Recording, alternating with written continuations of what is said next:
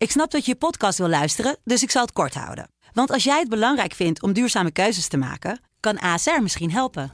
Nou hoor ik je denken, hoe dan? Nou, bijvoorbeeld bij het duurzaam herstellen van schade. Of de premies die we beleggen volgens ons duurzaam beleggingsbeleid. Dat bepaalt waar we wel en juist niet in investeren. Wil je meer weten over welke duurzame keuzes ASR maakt? Ga dan naar asr.nl/slash duurzame keuzes. ASR doet het. Zo, dan kan je nu lekker naar je podcast luisteren. Ken je Eva? Eva is een vrouw die in het verleden niet de beste keuzes maakte als het op de mannen aankwam. Na de laatste teleurstellende relatie en het moeten opgeven van haar kinderwens besluit ze dat het helemaal anders moet. Een vaste relatie, daar is ze klaar mee. En dus is Eva aan het daten geslagen. Dit is het Dagboek van Eva, een podcast van Vrouw. Maandag. Nog voordat ik mijn ogen open heb gedaan, dringt de hoofdpijn in alle hevigheid tot me door. Het is vannacht laat geworden.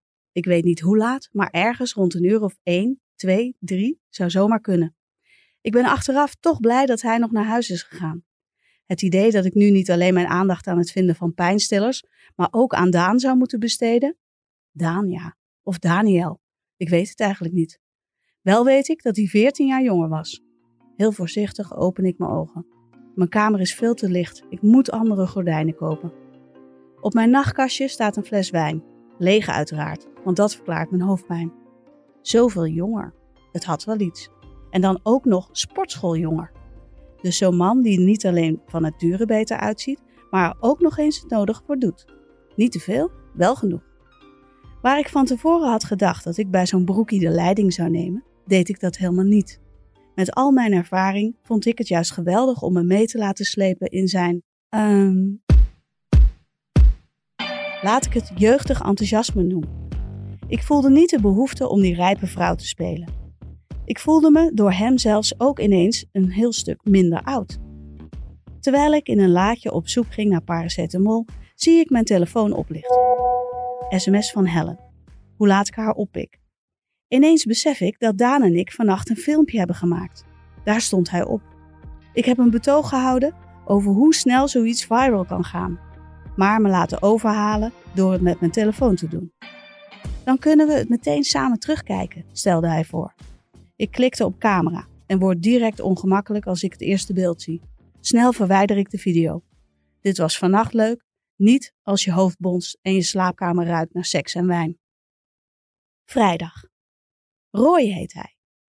Ik had al de stille hoop dat hij de nieuwe koper zou worden toen ik hem een tijdje geleden met de makelaar voorbij zag komen.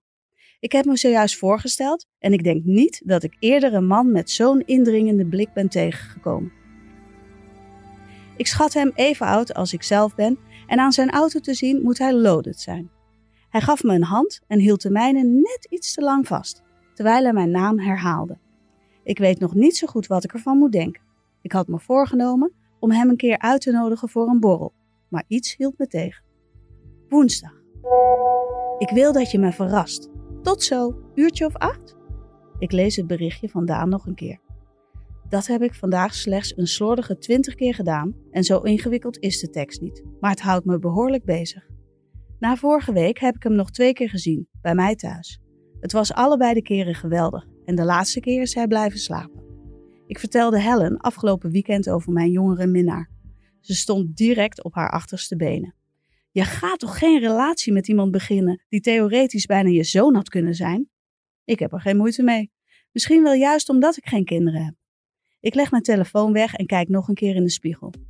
Mijn haar, mijn make-up, alles zit perfect. Ik ben dan wel van middelbare leeftijd, zoals je dat noemt, maar ik durf te wedden dat menig vrouw die net zo oud is, er aardig wat voor over heeft om er zo uit te zien als ik in lingerie. Ik heb voor een zwart setje gekozen, met charretels uiteraard. Een veilige kleur, maar voor wat ik ga doen is een beetje zekerheid wel welkom. Ik trek mijn hakken aan en pak mijn jas van de kapstok. Het voelt zo bloot, ondanks dat je nu niets aan mij ziet. De spanning giert door mijn lijf. Als ik een paar minuten later de lift uitstap, komt Roy net binnen. Ik word vuurrood en deze ontmoeting met mijn splinternieuwe buurman versterkt mijn opwinding. Ik zeg hem gedag en loop snel het gebouw uit, de kou in. Donderdag.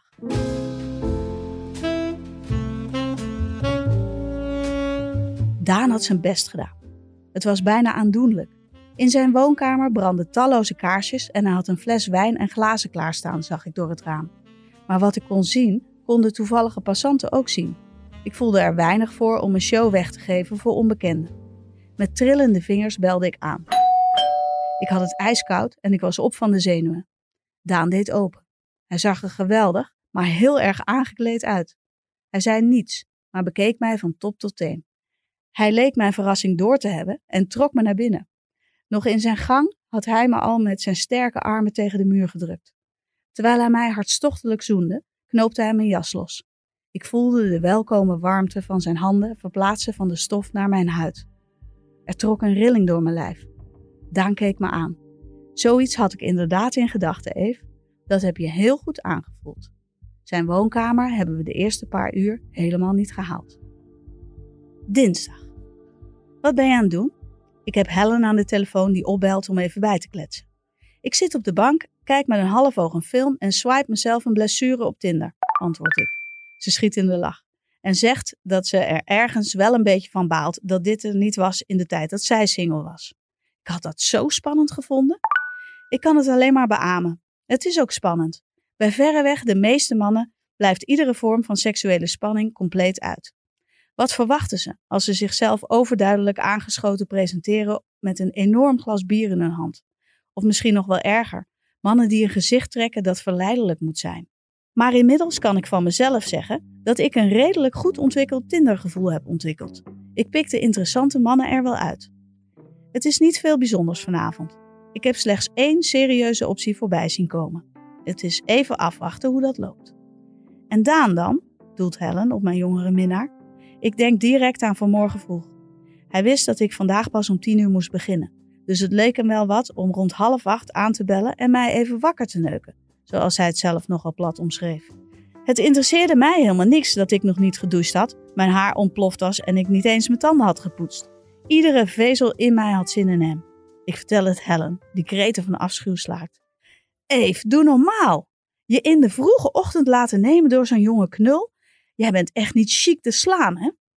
Nee, dat weet je toch? En ik heb me ook heilig voorgenomen om binnenkort eens kennis te maken met mijn nieuwe buurman Roy. Dat is een lekker ding. Ik hoor haar aan de andere kant van de lijn quasi vermoeid zuchten. Vrijdag. Zullen we volgende week een keertje uit eten gaan met mijn beste vriend? Ik lig naast Daan en schrik een beetje van zijn vraag.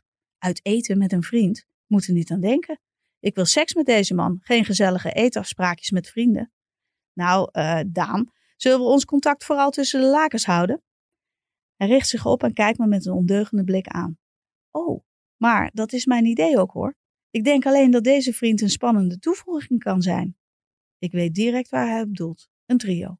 Bij de gedachte alleen al krijg ik het bloed heet. Je overvalt me hier een beetje mee. Mag ik er even over nadenken? Maandag. Het idee van een trio laat me niet los. Ik wil het niet en toch wil ik het wel. Daans vriend Mick is net zo oud als hij is. Hij heeft mij inmiddels een foto van hem laten zien en dat viel absoluut niet tegen. Ook weer zo'n lekker lijf met een mooie kop erop. Het idee dat ze mij samen willen verwennen wint me enorm op. Maar tegelijkertijd vind ik het ook veel te spannend.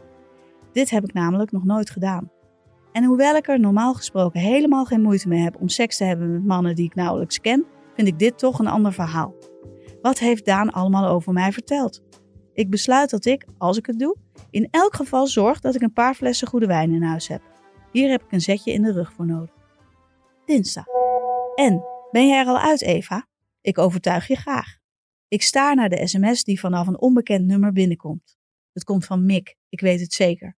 Ik ken Daan niet zo heel goed, maar wel goed genoeg om te weten dat hij zijn beste vriend mijn nummer heeft gegeven om wat meer druk op de ketel te zetten.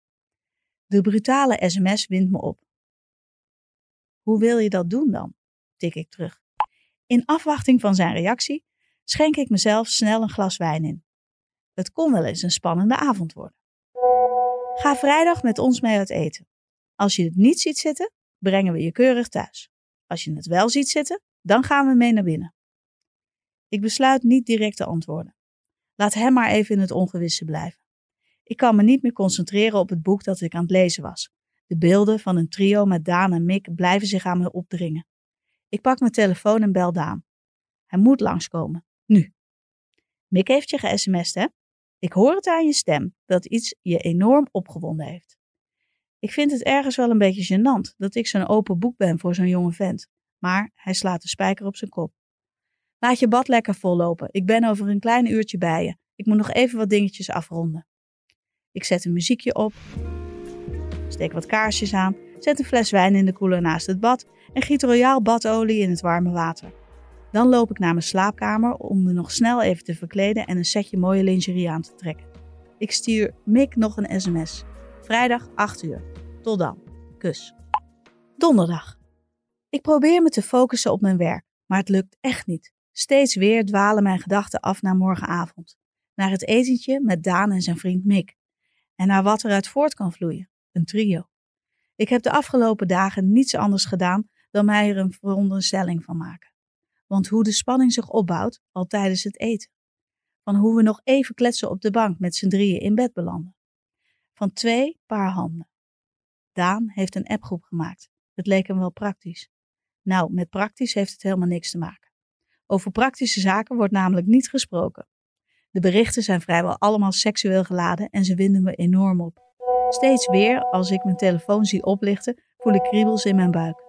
Beide mannen hebben een voorkeur over mijn kledingkeuze duidelijk laten merken. Hakken en een zwarte leren broek. Het mag best een beetje ordinair zijn, heb Mick. Ze kunnen het krijgen. Gisteravond is Daan nog even bij me langs geweest.